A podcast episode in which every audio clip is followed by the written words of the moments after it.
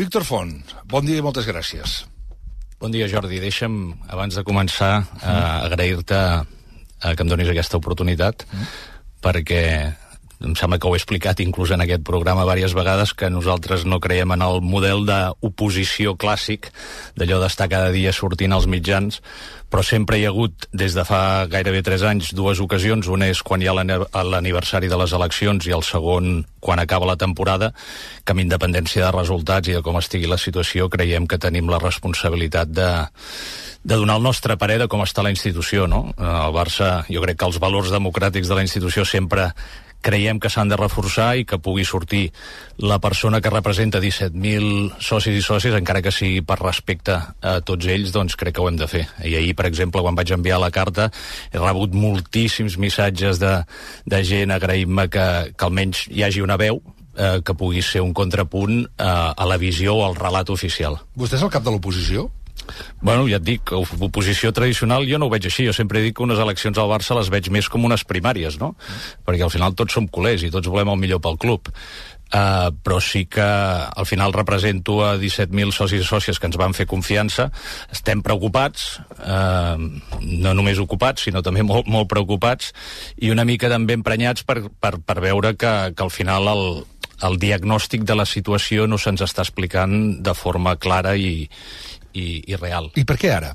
Es deia a final de temporada... No, no, pels, pels 3 anys, pels 3 anys d'aquí pocs dies eh, hi ha el tercer aniversari de les eleccions, eh, tenim ara una eliminatòria molt important eh, contra el Nàpols eh, i sempre és difícil trobar el moment oportú. Eh, creiem que aquesta finestra era una finestra, i això lògicament ho vam definir eh, abans d'empatar de, contra el Granada, que era, que era un moment de certa tranquil·litat, hi havia hagut molta gent demanant-nos, escolta, per què no surts i parles eh, de la situació del, del club i tal, i bueno, ara és un bon moment, per això t'ho agraeixo. Val, uh, uh, uh, si em deixa començar, Víctor Font, per, per una de les notícies d'avui, que és el possible fitxatge d'Mbappé pel Real Madrid, vostè que li agrada tractar el tema econòmic, és a dir, clar, ara hi ha un amic que m'ha enviat un missatge que em diu uh, Mbappé es paga sol el que no es paga sol és Rafinha, em deia aquest amic. Per exemple. Però Mbappé és un jugador que d'entrada s'està parlant d'una prima de fitxatge de 120 milions d'euros. S'està parlant del seu fitxa, que no me la vull ni m'arribar a imaginar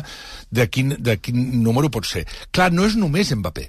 És que és Mbappé, és que és Bellingham, és que és Vinícius... És un nou camp acabat. És un nou camp acabat. Això són molts diners sí. molts diners. Hi ha alguna explicació? I és un nou camp acabat amb un uh, moment i amb una estructura de finançament i amb unes despeses o uns costos que suposaran en els propers molts anys un avantatge competitiu del Madrid versus el Barça, perquè nosaltres el que hem fet amb l'Espai Barça, que és doblar primer, refer tot el projecte que aquesta Junta va heretar. Això ha encarit el projecte gairebé per dos, 1.500 milions, sense Palau. I tot això vol dir que en els propers anys tot el que generi d'accés, que en teoria era la gran raó per la qual volíem fer això, que era tenir més ingressos, ho haurem de fer servir per pagar el deute. I per tant, mm, aquí el Madrid cada any tindrà 100, 120, 150, 200 milions més cada any que nosaltres per fer un Mbappé durant els propers anys. Però realment es pot pagar tot això, pregunto, eh? Sí, sí, sí o sigui, quan gestiones... O sigui, jo crec, de tres jo, crec que és un, jo crec que més és un mirall o un exemple perfecte que ens indica que si es fan bé les coses, si es gestiona bé un club, que això no és un tema de model de propietat, després en parlarem. Mm. Uh, aquí que es diu, no, és que si no som societat anònima no podem uh, competir contra uh, el PSG i el Manchester City, no. Un club ben gestionat, un club amb una estructura de propietat igual que la nostra, eh, doncs pot ser competitiu. Mm. Què vol dir refundar el Barça?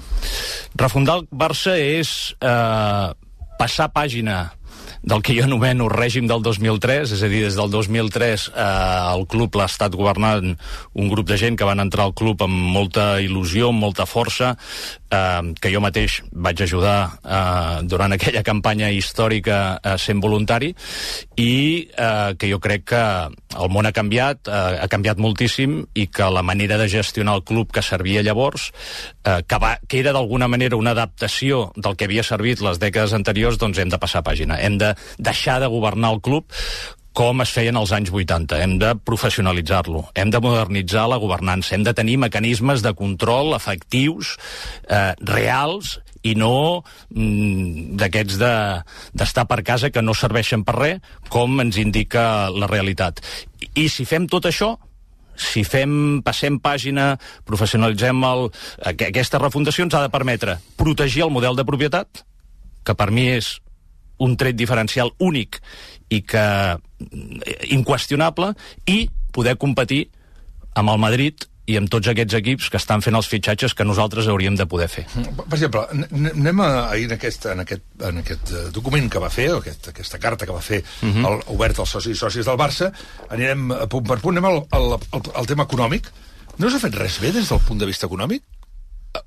Òbviament ningú mai ho fa tot malament o tot bé.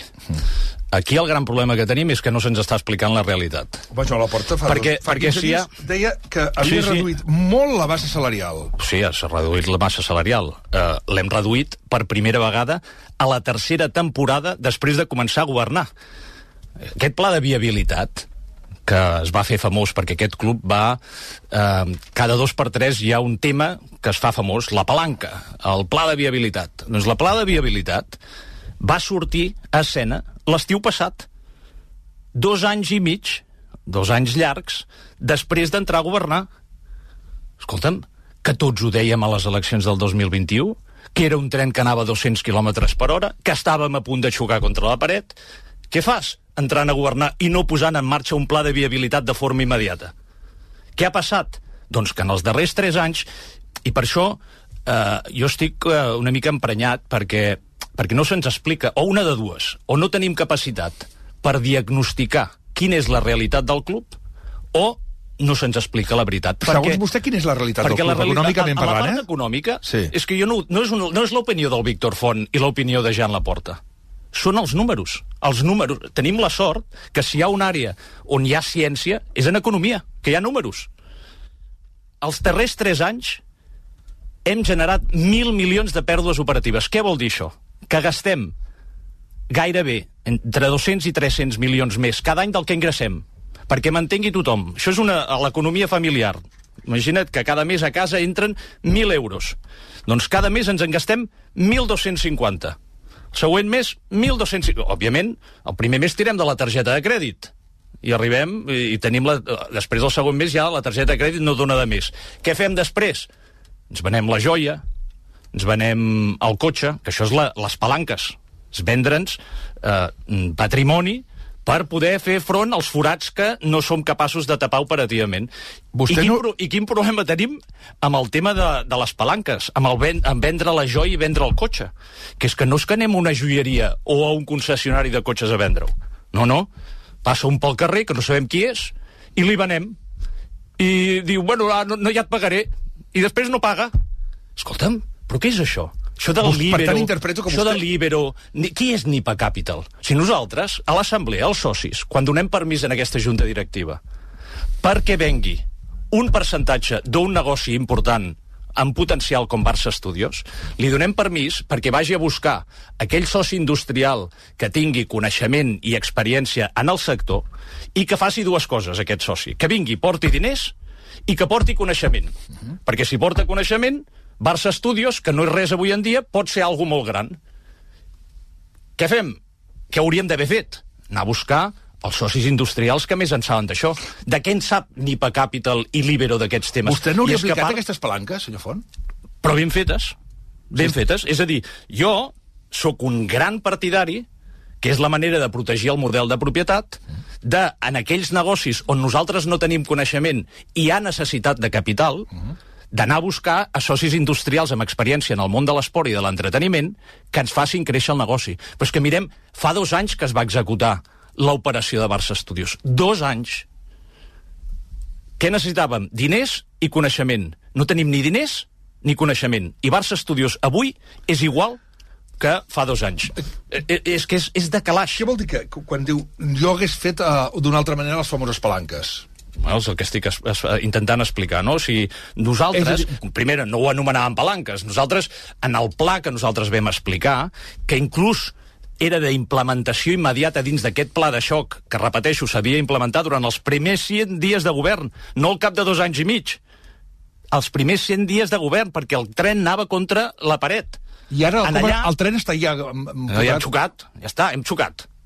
Ara Sí? hem xocat. Home, jo crec que és evident. L'altre dia jo a la porta deia aquí que... Però és, que és, però, és, però és que és el relat oficial, que jo no ho entenc. Per això suposo que hi ha molts socis Diu que m'aturen acabarà, pel perdoni, diuen, perdoni, la Sort frase- que hi ha algú que parla, la frase sort dir- que hi ha algú que ho diu. Però és que jo... L'altre dia va dir, va dir Joan Laporta, en aquesta que dirà vostè, fa 15 dies va dir, diu, al final d'aquesta temporada eh, és molt probable que haguem acabat amb una etapa... Sí, que... fos, no, però això ja ha passat 3, 30 vegades des de que, comença, que ha tornat a governar. Això va, eh, o sigui, vam guanyar el Nàpols a l'Europa League eh, el primer any ja havíem tornat. Vam guanyar 0-4 al Bernabéu, ja hem tornat una altra vegada. O sigui, el gran problema que també tenim és que no som capaços, que està molt bé, il·lusionar-nos, perquè jo sóc el primer. Si estic aquí parlant és perquè jo sóc un positiu i estic il·lusionadíssim respecte al futur. Però toquem de peus a terra, baixem la pilota a terra i gestionem les expectatives en base a quina és la realitat. Uh -huh. jo, és, jo és que és això el que no entenc.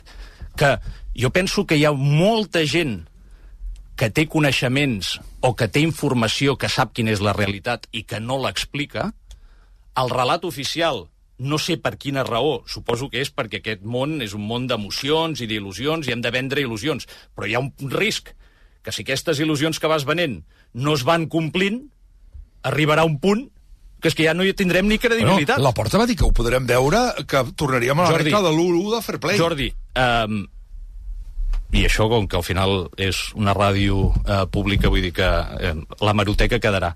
Aquest any, que ja et dic, és el primer any on hem fet els deures, o hem començat a intentar fer deures en la part del control de la despesa, nosaltres, des de que vam vendre Neymar, aquest club, perquè això ve d'enrere, lo de l'herència nefasta és una realitat. Si és que això no és un tema d'aquests ni d'aquells, és un tema de model, d'un model de club que portem des de l'època de Núñez. Per això parlo de refundar, de passar pàgina. Portem no sé quants anys gastant-nos uns 900 milions d'euros l'any.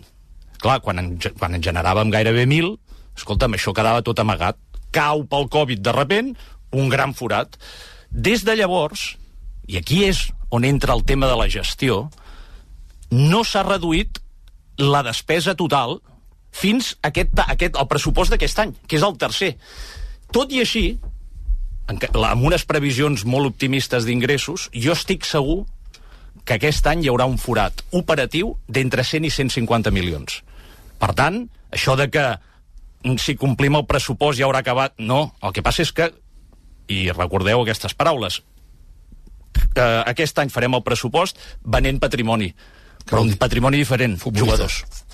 Dembélé ja és un jugador que no el volien vendre perquè la direcció esportiva i l'entrenador el volien retenir i el vam vendre, vam generar 50 milions. Això ja és venda de patrimoni que hem tingut i que ens ajuda a quadrar el, el, el pressupost. I en funció de com vagin els números, doncs serà obligat vendre De Jong, o vendre Araujo, o vendre qui sigui. I haurem de vendre actius. Un altre cop, com que gastem més del que ingressem i la targeta de crèdit no ens dona, ens hem de vendre la joia, el cotxe, ara potser, doncs, no sé, un quadre que tenim que ens van regalar. quin és el deute real del club, per segons vostè? Bueno, això és, és, és més que una opinió, de nou són números. Tenim la part del, de l'Espai Barça que va per separat, que en aquí l'únic que hi ha és l'oportunitat perduda de generar ingressos que, per exemple, el competidor directe, el Real Madrid, podrà generar, i eh, eh, després un deute eh, en el que és l'estructura operativa que hem reduït una miqueta, una miqueta, però que no hem reduït mm, de cap manera eh, com per poder dir que tenim visibilitat de que el negoci operatiu generarà suficients excedents com per cobrir aquest deute. Quan mm, anem a l'àmbit institucional, Importantíssim. acusa Joan Laporta de tenir un model de gestió de fa 20 anys, ara ho comentava. Eh, què ha canviat perquè el que va funcionar aleshores ara no funcioni? Que va funcionar Va funcionar el fa 20 anys o no? Fa, el 2003, vols dir? Bueno, precisament això, o sigui, tu, quan has de fer realitat projectes de certa complexitat, eh, i això ho sabem tots a les nostres vides, en el terreny professional, en el terreny personal, necessites talent, necessites capacitats. I el que s'ha fet des del 2021 és, en primer lloc, decisions que jo crec que és del millor que s'ha fet en aquest mandat, com atraure Jaume Giró, fitxar Mateo Alemany, fitxar Ferran Reverter, fitxar aquest tipus d'executius, Jordi Cruyff, etc etc, però no hem tingut cap capacitat de retenir-los. I tot aquest talent ha marxat. I aquest talent, sobretot en el que són les posicions clau de presa de decisions, és on ha estat substituït mm. per amics i familiars. Tenim una gran sort en el club que l'estructura de treballadors és espectacular. A mi, jo quan parlo amb la Liga em diuen quina sort que teniu en el Barça, perquè hi ha uns professionals espectaculars. Si no ens estem referint a això, estem referint a qui man, a qui pren les decisions. El senyor Alejandro Echevarría mm. és una persona que, òbviament, és una persona de confiança del, del president, però no té ni càrrec directiu ni càrrec executiu. És normal que aquesta persona estigui tot el dia al club i a la comissió esportiva? És normal? És normal que el, que el entrenador, el dia que surt i dimiteix, gairebé mencioni Alejandro Echeverría abans que el president la porta? Jo pregunto si és normal. Jo crec que no. Ho diu per algú més? No, en general, hi ha aquesta descapitalització de talent, eh, hi ha aquesta voluntat de, de portar amics i familiars, de, de no tenir interès per aglutinar talent, per aglutinar qui no té visions... talent? Qui no té talent en el Barça, segons vostè? No, en gen jo crec que en general no, talent tots tenim el nostre talent. No és un tema tampoc de menys tenir les persones, és un tema de quina experiència rellevant tens pel càrrec que ocupes. M'entendrà el que li diré ara. Quan parla d'Alejandro Echeverría li diré una cosa, eh? Uh, pel que sé, sort que hi ha també Alejandro Echeverría Ah, en el segur, club. segur. sort que hi ha Alejandro Echeverría en el club amb la, amb la relació que hi ha entre la Junta i la relació Segur. que hi ha amb el vestidor, eh? No tingui cap mena que- de dubte, ja li asseguro. segur que persona molt vàlida, segur Ja que afegeix jo. valor. Eh, jo estic parlant de model de club, de model de gestió, de que una persona que no apareix... Si és tan vàlida, donem-li un càrrec. Si té temps i vol dedicar eh, el- les seves capacitats que tingui una responsabilitat, així tots sabrem què fa, i així tots podrem eh, donar-li les gràcies per les contribucions que fa, o si no les fa bé, que hi hagi algun soci que pugui mm, opinar sobre el que es fa o no. A la part institucional, una altra cosa que no entenc, i que també ho menciono a la carta, és què fem anant de la mà del Real Madrid en Ara, temes ahir anava a institucionals? preguntar, però abans parla de gestionar el Barça amb amics i familiars i des de les trinxeres. Ja m'ha dit familiars, amics... Sí, sí, bueno, Amics, de les clar. trinxeres és el més important, també, per mi. Ara, eh, perquè, perdó, perdó, els amics, per què ho diu els amics? Però vostè també, si fa una junta directiva, portarà amics seus. Home, gent de confiança, segur. Bueno, doncs amics és com gent de confiança, no? Ho tenen tots els clubs, això, no? Sí, no, però jo el que dic és prioritzar l'amistat i la relació personal sobre les capacitats i l'experiència que algú té. Això ho diu per algú més? No, dic en, gene En dic en general. general. Val. Dic en general, eh, jo crec que cadascú, doncs... Eh, però, però jo crec que és evident. I, I de nou, eh, tenim la sort de tenir un president que va de cara i que explica les coses com ell les creu. Eh, jo crec que jo quan eh, en el passat algun cop havia parlat amb ell, ell em deia que ell valorava moltíssim el tema aquest de No la... l'ha tornat a trucar? Eh, el, el president Laporta sap eh, de forma explícita i per activa i per passiva, perquè inclús ho vaig publicar el dia de la presa de posició, possessió, que eh, jo estic a la seva disposició per ajudar. I això ho sap segur. Ara, tinc claríssim que no em trucarà. Uh, No l'ha trucat de fet, no m'ha trucat. Mai, eh? Uh, no m'ha trucat mai. I no em trucarà perquè no sóc ni amic ni familiar.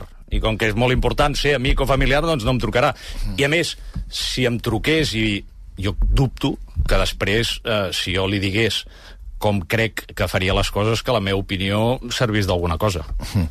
Um, parlaven del tema del Reial... O les trinxeres. Per què referia trinxeres? No, és, és això del eh, molt típic, eh, potser de, de, de... No sé si és dels catalans, del, del Barça també, el caïnisme aquest, eh, aquesta manera de fer de, dels uns eh, amb mi o contra mi. Eh, jo vaig sortir amb aquesta il·lusió que tinc, eh, que, que sempre explico que és com una mica una malaltia que ja me n'he donat compte que és incurable, no? Jo quan acaben les eleccions eh, pensava, dic, mira, una de les avantatges d'haver-ho passat malament aquests darrers tres mesos, d'haver patit, d'haver no en va tenir prou? jo vaig pensar, dic, una de les avantatges és que em dec haver curat de la malaltia Barça, i per tant puc passar pàgina i me'n vaig a una altra cosa. Uh -huh. I, ostres, no, du. No, no és, es veu que no és curable, que la malaltia la tens, i ja no, i a casa meva, la meva dona, que també estava molt content el dia que vam perdre, eh, em va, ara ja em té abandonat, ja, ja em té per, per cas perdut, ja creu que, per, que això és incurable. Per tant, vol dir, que... per tant, vol dir que si a eleccions es presenta... Home, si hi haguessin eleccions demà, em presento segur. Em presento si hi haguessin eleccions demà. Per què? perquè, com ha estat explicant, I d'aquí dos anys? el club o no és capaç de fer el diagnòstic real, que és el primer problema, no? És a dir, si tu has de resoldre una situació molt complexa, primer has de diagnosticar bé què no funciona. Si et penses que tot va bé, no canviarà res.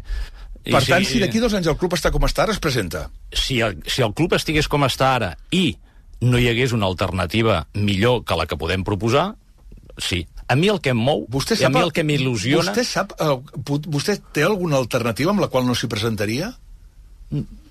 ja, ja et dic, en genèric, eh, a mi el que em mou, a mi el que m'apassiona, a mi aquesta malaltia Barça, que em sembla que la, que la tinc de... Hi ha molts, eh, que tenen malaltia Molta, molta, molta, gràcies a Déu, per això és un club viu. Mm. Um, perquè el que és molt difícil a vegades també trobar és gent amb talent i capacitats que tinguis la malaltia suficientment forta com per després voler-se comprometre i dedicar temps, hores i esforços i mal de caps, etc etc. Uh, jo, jo el que a mi m'apassiona, el que m'il·lusiona, el que em fa somiar és poder contribuir el, que, el que jo anomeno refundació, que és aquesta transformació, deixar un llegat que hagi modernitzat el club, que tinguem contrapoders reals, que qui governa sàpiga que si fa les coses malament se sabrà. Quan parlava del Madrid, ha dit, ha dit el Madrid i Florentino Pérez. Ah, um... És que, com, com és que això no s'explica? Perquè, clar, o sigui, el madridisme sociològic i de que el Madrid... Tot això ho sabem. O sigui, jo tinc 50 anys ja, vull dir, hem patit i seguim patint. El que vol dir competir contra el Madrid amb un estat darrere... Tot això ho sabem. El que no té sentit llavors és que quan tenim l'opció de triar entre Messi i Florentino, triem Florentino. O sigui, anem de la mà de Florentino en tots els temes institucionals rellevants. Amb això de la Superliga, que per mi no té ni cap ni peus com està plantejat, eh, Jordi, tu saps qui és Anàs Lagrari? Anàs Lagrari. No tinc el gust. Soci de Key Capital, pràcticament podria dir jo fiol de Florentino Pérez, persona de plena confiança, ens ha assessorat a nosaltres. O sigui, nosaltres hem fet operacions com la de Six Street amb la intermediació de una de les persones de màxima confiança de Florentino Pérez. Això no se'ns explica. I, i, i, i jo dic, i, i això per, per què passa? I per què no se'ns explica? Qui és bueno, aquest senyor, diu vostè? Anas Lagaris, dius? L'agrari. L'agrari. I aquest és persona de màxima confiança de Florentino Pérez és ara també temes? un dels fundadors de A22, que és aquesta societat que s'ha creat per intentar crear aquesta Superliga, que, com dic, jo crec que no anirà enlloc.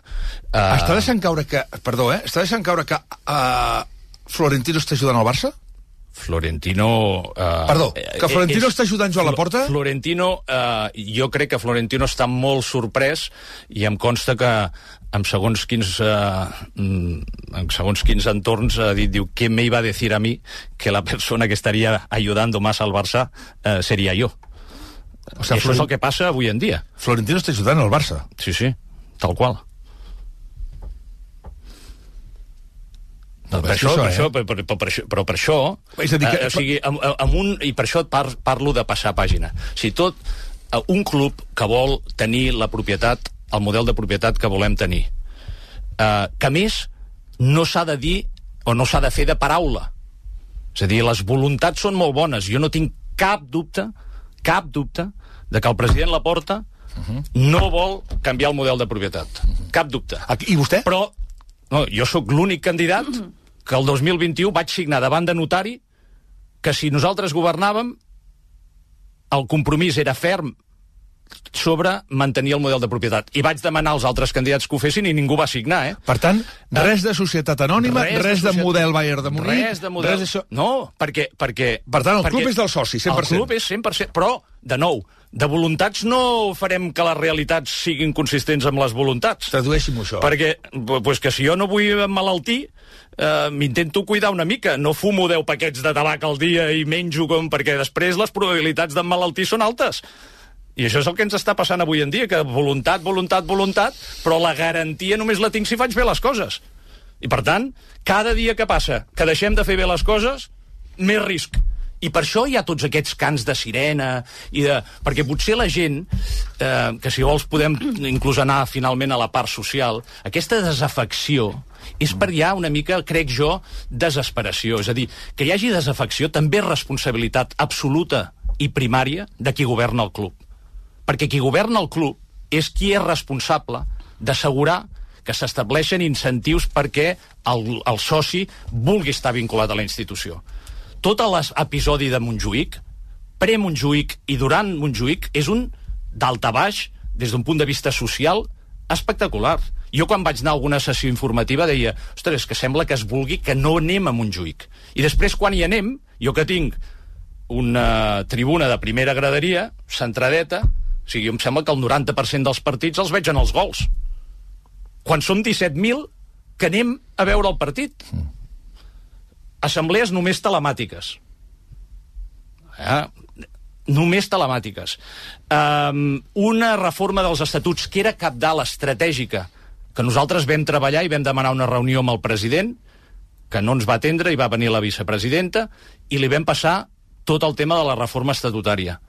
Amb un calaix, ara sortirà d'aquí, però ha estat dos anys, no hi ha transparència, no se sap què passa? No se'ns expliquen les coses. I després diem que, no, no, el soci és el propietari... Però si el soci no se sent propietari. Però és que és responsabilitat de qui governa. Però no de qui governa avui. Quan hi havia Bartomeu era el mateix. Nosaltres ho vam denunciar. Quan hi havia Sandra Rossell era igual. I anterior, i anterior. O passem pàgina i canviem el model d'una vegada per totes, o el risc de no competir i de que aquest model de propietat que ens fa únics i que hem de protegir desapareixi, és alt. Um, quan, quan està parlant vostè d'això, eh, ara parlem de l'àmbit més esportiu, diríem que per mi em sembla que és el més important de tot, eh? Um, amb tot això, avui el, que el veig més indignat que cap qualsevol altre dia i més entrevistes que ha fet, mm, li he de fer una pregunta. Estudia una moció de censura contra Joan Laporta? No. Uh, no perquè nosaltres jo personalment sempre he sigut molt partidari de la estabilitat institucional. Uh -huh. Això del món del futbol i del Barça en particular és una bogeria. Estem tots xalats.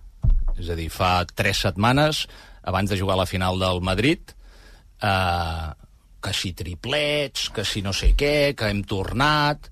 Perdem tres partits, que òbviament venien ja d'un nivell de joc preocupant, però perdem tres partits, perquè si aquells tres partits els guanyem, aquest relat, la situació seria la mateixa que t'he explicat fins ara, en la part econòmica, social, institucional, però haurà entrat la piloteta eh, i no tenim la capacitat després de diagnosticar què és el que passa. Per tant, és que és importantíssim que hi hagi aquesta estabilitat. Jo tot això que estic explicant mm. eh, ho vam explicar el 2021, que era quan calia confrontar idees i projectes. I el president actual deia, el projecte meu sóc jo. I nosaltres vam intentar, sense èxit, explicar que ara tocava fer-ho d'una altra manera. Um, allò va passar, va guanyar aquesta junta directiva de forma més que legítima i de forma molt majoritària, uh -huh. i per tant l'estabilitat institucional és clau. Per mi només té sentit recolzar una moció de censura si es creuen línies vermelles. Una línia vermella pot ser que hi hagi un delicte, per exemple, no? El tema del Bartogate, nosaltres mm. acabem dèiem el mateix, quan hi havia eh, Bartomeu denunciàvem molt el que veiem, quan hi ha tema de Bartogate i ja tot veiem que hi ha risc de que es prenguin decisions que poden hipotecar el futur, recolzem la moció i fem nosaltres que la moció sigui possible. Mm. Vostè uh, i, i, i, I per tant jo crec que la situació és la, la mateixa que ara. Ara, ah. ara el que toca el que toca, i per això també fer aquests punts de situació crec que és de responsabilitat, primer per almenys que hi hagi socis que ens puguin creure, eh, que entenguin que la situació és complexa, perquè qui governa, tant de bo, reculli també això i en comptes de criticar i d'enviar a tots els exèrcits de les xarxes, etc que ens hi posem eh, i, sobretot, que si això continua igual, almenys tinguem capacitat de construir una alternativa. Perdoni, exèrcit de les xarxes, què vol dir això? No, doncs que les xarxes... Per les xarxes vol dir que el Barça considera que... Ah, no, no, tant, només faltaria ara pensar que lo del Bartogate, eh, que jo em vaig ser víctima inicial, eh, mm. seguís, no? No, no, per, no, per dir que... No, Però escolta'm una cosa, vostè, vostè eh, defensava, per exemple, una persona com Ferran Reverter. Coneix vostè Ferran Reverter? No, no bueno, l'he conegut, uh -huh. eh, i el vaig saludar eh, un parell de vegades, però parlo més per referències externes. Uh -huh. És que ell defensava un model estil Bayern, perquè ens entenguem. Sí, però jo no. Uh, jo no, bueno, jo no n'he parlat mai amb ell, uh, però jo crec que el del model Bayern o d'això de uh, accionistes sí, això mixta, mixta, això és perdre la propietat. Això, al final tens un accionista majoritari, perquè per molt que no tingui la majoria de les accions és el més rellevant, i que t'imposarà coses perquè no et deixarà diners a canvi de res.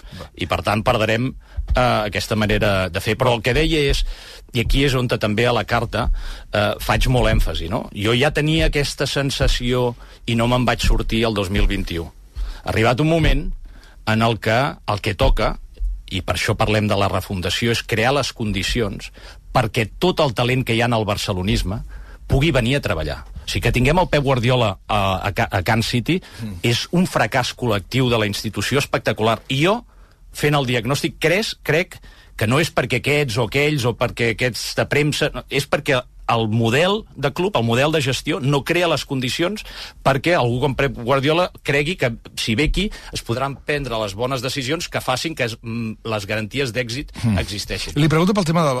Anem a l'àmbit esportiu. Um, vostè anava amb Xavi. En principi, se'l va veure que vostè anava amb Xavi Hernández. Clar, la situació del club hagués estat probablement igual ara amb vostè. Sí, mai, mai ho sabrem, però és una, és, una, és una molt bona reflexió, no? I és evident que tots esperàvem eh, que L'ha Xavi... decebut? No, home, la frustració dels resultats esportius aquest any jo crec que és una frustració que compartim tots els culers perquè patim i no ho esperàvem. Però jo crec eh, que és important... Eh, Escolti, jo si abans, mirant... abans de començar la temporada li dic que el Barça tindria a De Jong, a Gundogan, a, a, a, a Lewandowski, a Pedri, a Pedri Maraujo, amb, sí, vostè, crec... amb vostè, amb la porta Morson Corda, haguéssim dit, escolti, quina, quina temporada hem de fer. Sí, jo crec que també penso que, tot i tenir una molt bona plantilla, aquest relat triomfalista també ens fa pensar que tenim millors plantilles de les que realment tenim, eh, però posat això de part, és evident que esperàvem tots eh, un millor rendiment eh, d'aquesta aquest, plantilla. Però el que estic intentant dir és que tot aquest desgavell econòmic, institucional, social, tot al final acaba reflectint-se en el camp. O sigui, i això passa amb qualsevol projecte. Per tant, els resultats són culpa de la porta? Eh, els resultats, a mig llarg termini, si la institució no és competitiva esportivament, és responsabilitat de com governes el club. És a dir, Xavi, tots esperàvem que funcionés millor. Però mai sabrem com hauria funcionat si Mateo Alemany i Jordi Cruyff sí, no se'ls haguessin fet Sí, però clar, si la meva no. àvia hagués tingut rodes, no, ja, bicicleta. No, no, però, però, ja, però, però és que la teva àvia amb rodes és molt complicat. El Mateu i el Jordi eren en el club. Vull dir que això bueno. era una realitat que teníem. Però, però, però no és només això, no? És a dir, si els fitxatges que eren prioritaris, el més rellevant era el relleu de Sergi Busquets, mm. eh, haguessin pogut executar-se, no sabríem on, on seríem. Uh, si però, uh, la situació econòmica que he explicat abans... Però es va parlar d'Oriol Romeu, jo crec que Oriol Romeu tothom hagués firmat aquest fitxatge i no ha sortit bé. Però no era la prioritat, era el pla D, E o F. I, i quin era A, B i C, doncs? Uh, bueno, pel que s'havia parlat, Zubimendi uh, sí. número 1, uh, Kimmich uh, era una altra alternativa. I qui havia, i qui havia director esportiu, llavors? En aquells moments hi havia Mateo Alemany, eh, Jordi Cruyff, però el que dic... Però llavors, llavors vol dir que Mateo sí, Alemany i Jordi Cruyff però, tampoc li van fer el que volia Xavi. Però com es prenen les decisions? Ah, llavors va ser la porta com, que va prendre com, aquella decisió. No, jo pregunto com es prenen les decisions. Qui decideix... Eh, teòricament el director esportiu. Eh, gràcies, teòricament. I llavors per què Mateo Perquè Alemany? hi ha molts fitxatges que sabem que no se sap qui les eh, pren les decisions, ni per què es prenen, que és, de nou, el que jo estic dient. Un model de gestió adequat és que cadascú tingui les responsabilitats en base a les capacitats que té. I això és el que és imprescindible eh, que esdevingui una realitat més d'hora que tard. Mm.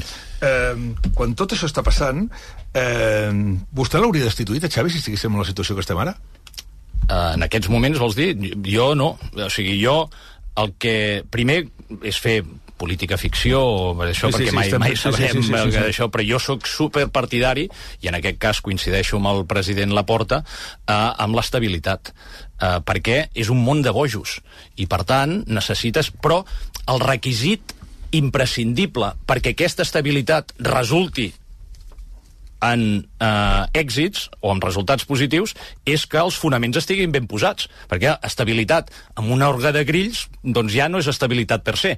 Però si tu tens una estructura esportiva com Déu mana, si tu tens una secretaria tècnica com Déu mana que treballa amb les llums llargues posades i que l'entrenador se centra en el dia a dia doncs escolta'm, suport absolut, assegurar que les, totes les decisions que es prenen són en base a criteris eh, esportius de meritocràcia i de necessitats, i jo estic convençut que després els resultats venen. I és que, a més, no ho dic jo, és que tenim exemples. O sigui, el Girona mm. és un molt bon exemple d'això. El Girona va prendre una... O sigui, pren la decisió estructural de posar un CEO pren després la decisió estructural de tenir una secretaria tècnica mm. a una direcció esportiva, amb Quique Càrcel. Decideixen fitxar a Mitchell. Tenen alts i baixos, tenen grans decepci decepcions esportives, que amb un club no ben gestionat i sense una visió i sense les llums llargues posades hauria volgut dir pues, el Quique Càrcel fora o comencem pel Mitchell. No, van continuar. I amb les llums llargues posades, amb estabilitat, insistint si estàs segur de que estàs fent el bé, els resultats arriben. Um, una última pregunta per la meva part i deixo perquè l'Ernest Folch està menjant el micròfon, ja ho veig. A la carta que va escriure menciona Leo Messi, només començar. La gran errada d'aquest mandat. Va ser un error, eh, per vostè? La gran errada i una de les més importants de la història contemporània del club. Malgrat xantatges i... Malgrat, malgrat, eh, malgrat tots els malgrats. Jo, era, jo crec que era part de la solució i encara no som conscients i mai serem conscients de, eh, del cost eh, ja no només esportiu, o sigui, jo sempre parlava del Messi tridimensional. Messi eh, era molt important per fer aquesta transició, perquè aquest talent de l'últim terç que, que l'entrenador no pot gestionar, no? La darrera passada, el gol, l'any passat ens faltava gol, eh, ens falta talent en general, ens hauria anat de forma espectacular. Eh, econòmicament, imagineu-vos el que ha fet Messi des de que ha marxat. Guanyar un Mundial, guanyar més pilotes d'or. O sigui, econòmicament, l'associació ens ajudava a fer aquesta transició i, i a fer a implementar el pla de xoc de forma brutal. I institucionalment, el valor de la marca Barça al voltant d'un Messi campió del món. Vaig estar ara amb ells eh, en aquesta gira que ha fet l'Inter de Miami per, per Àsia i, i és que en els camps veus tantes samarretes del Barça com de l'Inter Miami. I veus samarretes del Barça Va parlar Messi? no ens vam, vaig estar amb, els, amb, el, amb el pare i el, I? i el germà bueno, una conversa privada i, i, i una mica fer un punt de situació de com, de com està tot plegat ells estan ara molt centrats en aquesta nova etapa que els il·lusiona però, però bé Uh, aviam, No, jo li he de demanar, senyor Font, que sigui breu en les respostes. Així li puc fer tres preguntes molt, molt, molt, molt, molt ràpides. Vinga, pri, la primera pregunta. Molts creiem que el Barça ha tingut un problema en el discurs de, de, de l'optimisme. Sense cap mena de creu, creu que un dels problemes de Xavi és haver comprat aquest discurs? sense cap mena de dubte i li he dit Uh -huh. Li ha dit? li he dit jo crec que eh, i, i jo penso que ell hi està d'acord o sigui, mm -hmm. això de d'ell ser el primer que surt i perquè creu que és home de club i que no pot dir alguna diferent del que diu el president, jo crec que això ha sigut un problema. Molt bé. Molts creiem que uh, un dels dies més tràgics de la història del Barça és el 5 d'agost del 2021, en Sense què Messi surt, surt plorant del Barça. Vostè creu que hi ha alguna possibilitat que en algun format institucional, de gestió, etc pugui tornar un dia i es veu en cor vostè de uh, fer que Messi pugui tornar al Barça? sense cap mena de dubte. I aquesta ha de ser la il·lusió eh, que ens porti a tots aquells que tenim la malaltia Barça i que volem dedicar temps, esforços a fer un futur millor, a crear les condicions perquè gent com Messi, gent com el Pep, gent com el Piqué, el Puyol, tot, tot aquest talent, eh, quan eh, puguin contribuir, que ho puguin fer i ho facin bé. Val, vostè eh, ens ha explicat eh, ens ha explicat dades, dades objectives Són dades. dades objectives molt dures com per exemple els mil milions, el deute que té el club la situació que té... li faig una pregunta molt directa perquè la gent la pugui entendre el Barça està en perill? El Barça, si fos una empresa, estaria en risc de fallida o de suspensió de pagaments? Realment hem de patir pel futur immediat del Barça? La situació eh, el 2021 era molt complexa, el, el tren a 200 km per hora que s'ha estimbat. I avui? Eh, I avui és més complexa que eh, llavors. Complexa perquè... o perillosa? Complexa barra perillosa i per això hi ha tots, per això gent que té dos dits de front i que no tenen tampoc eh, cap interès polític, si es vol, amb la institució, eh, fan tot aquest relat de la societat anònima com si no hi hagués alternativa. I jo repeteixo, jo sóc molt optimista i sóc molt optimista perquè el Barça té un potencial com a institució que no l'entenem sigui, nosaltres com a culers, i de Barcelona o de Granollers, d'on vinc jo i tal, eh, a vegades ens és difícil entendre la magnitud del potencial que té la institució. Però és que el potencial és descomunal. Ara, o passem pàgina i comencem a fer les coses bé... Glòria. Senyor Font, uh, bon dia. Voldria que em comentés o que em digués la seva valoració d'algunes de les coses més, uh, més impactants que ens va dir el president Laporta el dia que va venir, que, que eren més o menys els que som aquí. La primera, quan va dir que, de, que estava pensant en denunciar el contracte de Nike i fins i tot crear marca pròpia, per fer les samarretes. La segona, quan va acusar un grup de comunicació, concretament l'editor de premsa ibèrica, que és l'editor del periòdico, de priorisme polític amb el club, que de fet va exigir una rectificació per part del director d'aquest mitjà de comunicació, i quan també, en el tema de la instrucció del cas Negreira, eh, va ser també especialment crític amb el jutge instructor. És a dir, va, va identificar diversos enemics, Bé, no és el cas és de Nike, mica, però vaja. Jo crec que és una mica l'estratègia comunicativa actual, no? que, és, uh, que és molt potser també del catalanet i d'això de, de buscar l'enemic eh, a l'altra banda, no? Eh, de no tenir capacitat d'autocrítica, de no fer un diagnòstic eh, acurat, de no ser clar i explícit amb les coses que no fem bé i en comptes de mm, intentar millorar nosaltres, anem a buscar l'enemic, que més, si l'identifiquem entre eh, l'estat espanyol, jutges, eh, policies i el Madrid, mm, segur que el 90%, si no més, de la massa social en segueix però aquesta estratègia no porta enlloc. És a dir, si volem realment millorar, comencem per casa. I comencem per casa fent les coses bé. I no llancem idees de bomber, com això de la marca pròpia, quan no hi ha ningú que ho ha fet perquè hi ha molts problemes i implicacions, per exemple, en tot el que fa referència a la distribució, eh, que és evident, i menys si tens una estructura eh, poc professional, sense talent, amb amics i familiars, o sigui, és que això ja és que fa, fa riure. Eh, vull dir, és que això és el que a mi em revela que no entenc i no m'explico.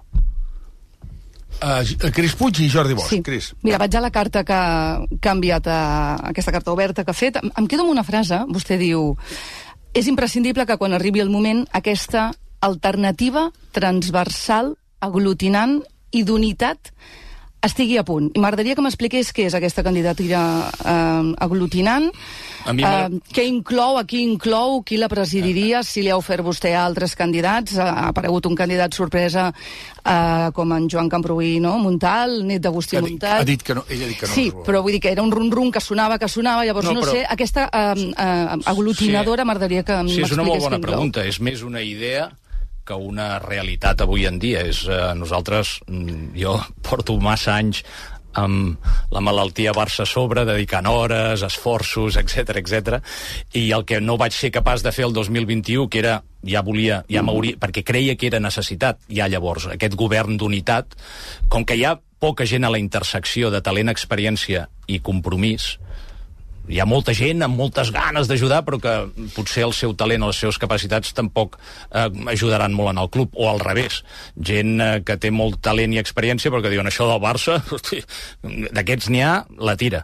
Doncs el que hem de fer és crear les condicions, deixant egos i eh, voluntats partidistes. Jo sempre ho he dit, dic, jo estic aquí al capdavant de la manifestació, però jo no tinc eh, cap... O sigui, jo el que vull, el que em fa il·lusió, és crear les condicions perquè tot el talent que hi ha en el barcelonisme, d'una vegada per totes, portin la institució a que sigui modèlica, No em piqui perquè si no malament. perdó, que sigui modèlica i que sigui un altre cop una referència arreu del món. Però quins noms hi hauria en aquesta candidatura? Quants més millor. Però Jo- digui noms. No, digui, jo- aquí li... no, o sigui, hi hauria, mi- per mi- exemple, a- tots aquests candidats. Li oferiria a Joan Laporta també la possibilitat d'aquesta candidatura unitària? Tots els expresidents tenen molt a oferir. Nosaltres, quan vam presentar la, la, la proposta el 2021, proposàvem crear el comitè d'expresidents, una mica com passa amb el govern dels Estats Units, que els expresidents institucionalment tenen un rol. Tots els expresidents, i jo això ho vaig parlar amb el president Laporta en el seu dia, de que si nosaltres governàvem, comptaríem amb, amb la seva experiència i coneixements. I això s'ha de fer. Però després és que hem de crear I per això el projecte és il·lusionant, no?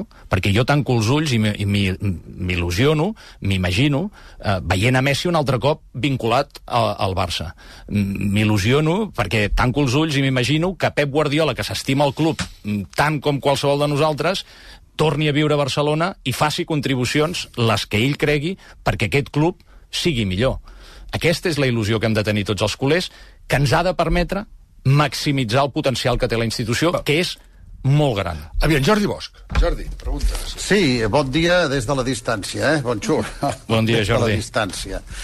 Eh, una pregunta molt breu, suposo que després tindrem ocasió de comentar, que és la següent. Jo crec que tenir gent El moment... que vulgui aspirar... Ui, no, no, anem a tornar a retrucar i així li faig una altra pregunta i està en la mala sort perquè l'he portat tot, tot el matí amb en Jordi Bosch. Però jo li faig una altra pregunta. Aviam, dues preguntes. Una, la primera. Clar, vostè deia, eh, ha aguantat molt sobre la figura de Xavi i l'ha defensat molt la figura del Xavi. Ara sí. li preguntaré d'altra manera. No veu com estem jugant? Sí, sí. I això és culpa del president Laporta o de la Junta? No, no, no. Aviam, eh, jo no, aquí que, que s'entenguin bé les paraules. Eh, jo no estic dient de que, ostres, el Xavi no té cap responsabilitat, que, que el Xavi segur que hauria funcionat molt bé amb una estructura com Déu mana, eh, prenent les decisions, no tenint una situació econòmica tan dantesca perquè haguessin fet millor els deures, si s'haguessin prioritzat els fitxatges bé... Jo, jo no estic dient això. Eh, jo el que estic dient és que, o compte, perquè si canviem el Xavi i portem a Hansi Flick i no canviem res més, les probabilitats de que això no funcioni són altíssimes que l'entrenador és una peça central, però és una peça i prou de tot l'engranatge. I, per tant, eh, que, que ho tinguem clar, això. Val. I la segona és... Eh, el Barça ha guanyat tots, uh, tota aquesta temporada passada, ha guanyat els títols de Lliga en totes les... En totes, futbol, bàsquet, en vol, eh, hoquei patins, en segon. Eh, això no té res a veure amb el model de club? Home, té a veure amb el model de club perquè defensar el caràcter multiesportiu de la institució és el, el que ens permet guanyar sis lligues, eh, que per mi, de nou, és un altre dels trets diferencials que cal creure's de debò i reforçar amb una estructura professional que et permeti que tots els equips puguin però jo crec que tenim ja suficient història per entendre que els resultats esportius conjunturals i guanyar una lliga malauradament no et garanteix l'èxit. I precisament penso, i aquesta és el gran, la gran frustració que crec que hauríem de tenir els culers, que a vegades guanyar ens suposa un problema. Nosaltres vam guanyar un triplet. Recordeu l'any? 2015. Quin problema va portar aquest eh, triplet? Que la realitat i els problemes que hi havia en la institució van quedar 100% amagats i contra tot pronòstic, Josep Maria Bartomeu guanya les eleccions i entrem en el pitjor període de la història contemporània del club. Que guanyar una lliga com la que vam guanyar l'any passat i que tots vam celebrar no ens eviti no, i que ens permeti fer un diagnòstic de quina és la realitat del club perquè, repeteixo, si no comencem entenent quina és la realitat del club, no millorarem. I pensant que ho fem tot bé, tot i que no podem fitxar ni a un jugador alaví eh, austríac, malament. Uh, Jordi Bosch, ara sí, Jordi, endavant. Sí, ara sí, no, perdó. Jo el que deia és que tenir persones i equips com Víctor Font i Joan Laporta que el vulguin aspirar a, tenir, a, a, a, a governar el club és un actiu, és un actiu bo. Això és important, sobretot en un equip, en un club que pretén continuar estant en mans dels socis que hi hagin socis que vulguin anar-hi, perquè, com diuen a casa seva i a casa dels vols directius, siguin els actuals els que puguin venir al futur, millor que et quedis a casa. És a dir, s'està sortint molt malament des de fa 20 anys del Barça. I, per tant, eh, això és un fet que fa reflexionar moltes, a moltes persones i, i que requereix, evidentment, alternança, però també un punt d'estabilitat. Jo el que volia dir Atès que Víctor Font ha dit avui que si les eleccions fossin demà es tornaria a presentar les eleccions i té un equip ja fet, que òbviament el deu anar renovant i les idees els va renovant, per què ara? amb un, per què ara amb un discurs que no ha estat de quatre línies de futur, sinó molt de crítica eh, honesta, perquè l'ha fet de cara a cara, de cara, sobre, sobre, eh, eh, sobre i amb algunes coses que potser per malta, manca de temps no han estat crítica, crítiques, sinó potser insinuacions. Per què ara, en aquest moment, surt Víctor Font? Sí, eh, ho he intentat explicar al començament en el sentit de que mm, normalment ens marquem dos punts durant l'any eh, per fer una valoració de la situació. Un és eh, l'aniversari de les eleccions, que serà aquí uns dies, i com que ara ve una eliminatòria de Champions important, creiem que fer-ho just eh, quan, hi ha, eh, quan hi ha aquesta eliminatòria doncs no seria adequat eh, i creiem que aquest era un període de dies que en teoria hi havia certa tranquil·litat. I des d'un punt de vista més macro, des d'un punt de vista, si agafem una mica més la perspectiva temporal a mig llarg termini, eh, alguns dels missatges, com per exemple la necessitat, que ja el vaig passar aquest missatge fa temps i que l'intento repetir, però que penso que no cala o que no s'entén, aquest missatge de hem de treballar per crear una alternativa que pugui refundar el club, transformar-lo de dalt a baix, això requereix temps. Jo sempre ho he dit, eh, ja a les eleccions del 2021 inclús va acabar sent una mica la rialla de quants anys portava aquest al fons treballant un projecte, perquè em crec de, de bo que si vols eh, articular una alternativa de govern que sigui seriosa, que tingui l'equip adequat, això no ho pots fer sis mesos abans de les eleccions, que és normalment com es fan les coses, eh?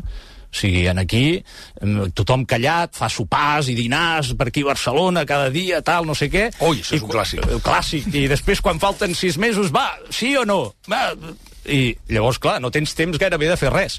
I, si, i sobretot, si vols aglutinar algo transversal amb gent que no ens coneixem, però que tots podem fer una contribució, ens hem de conèixer.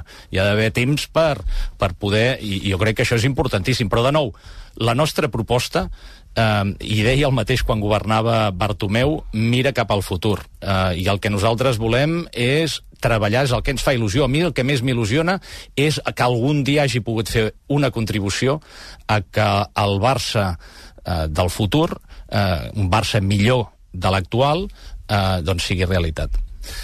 Pràcticament tres quarts d'onze, ha estat una hora parlant amb el qui serà el...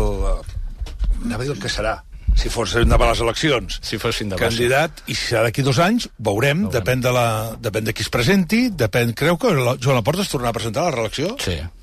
Està convençut? Sí. Convençudíssim. doncs així que bé. Víctor Font, moltes gràcies. Gràcies. Que vagi bé.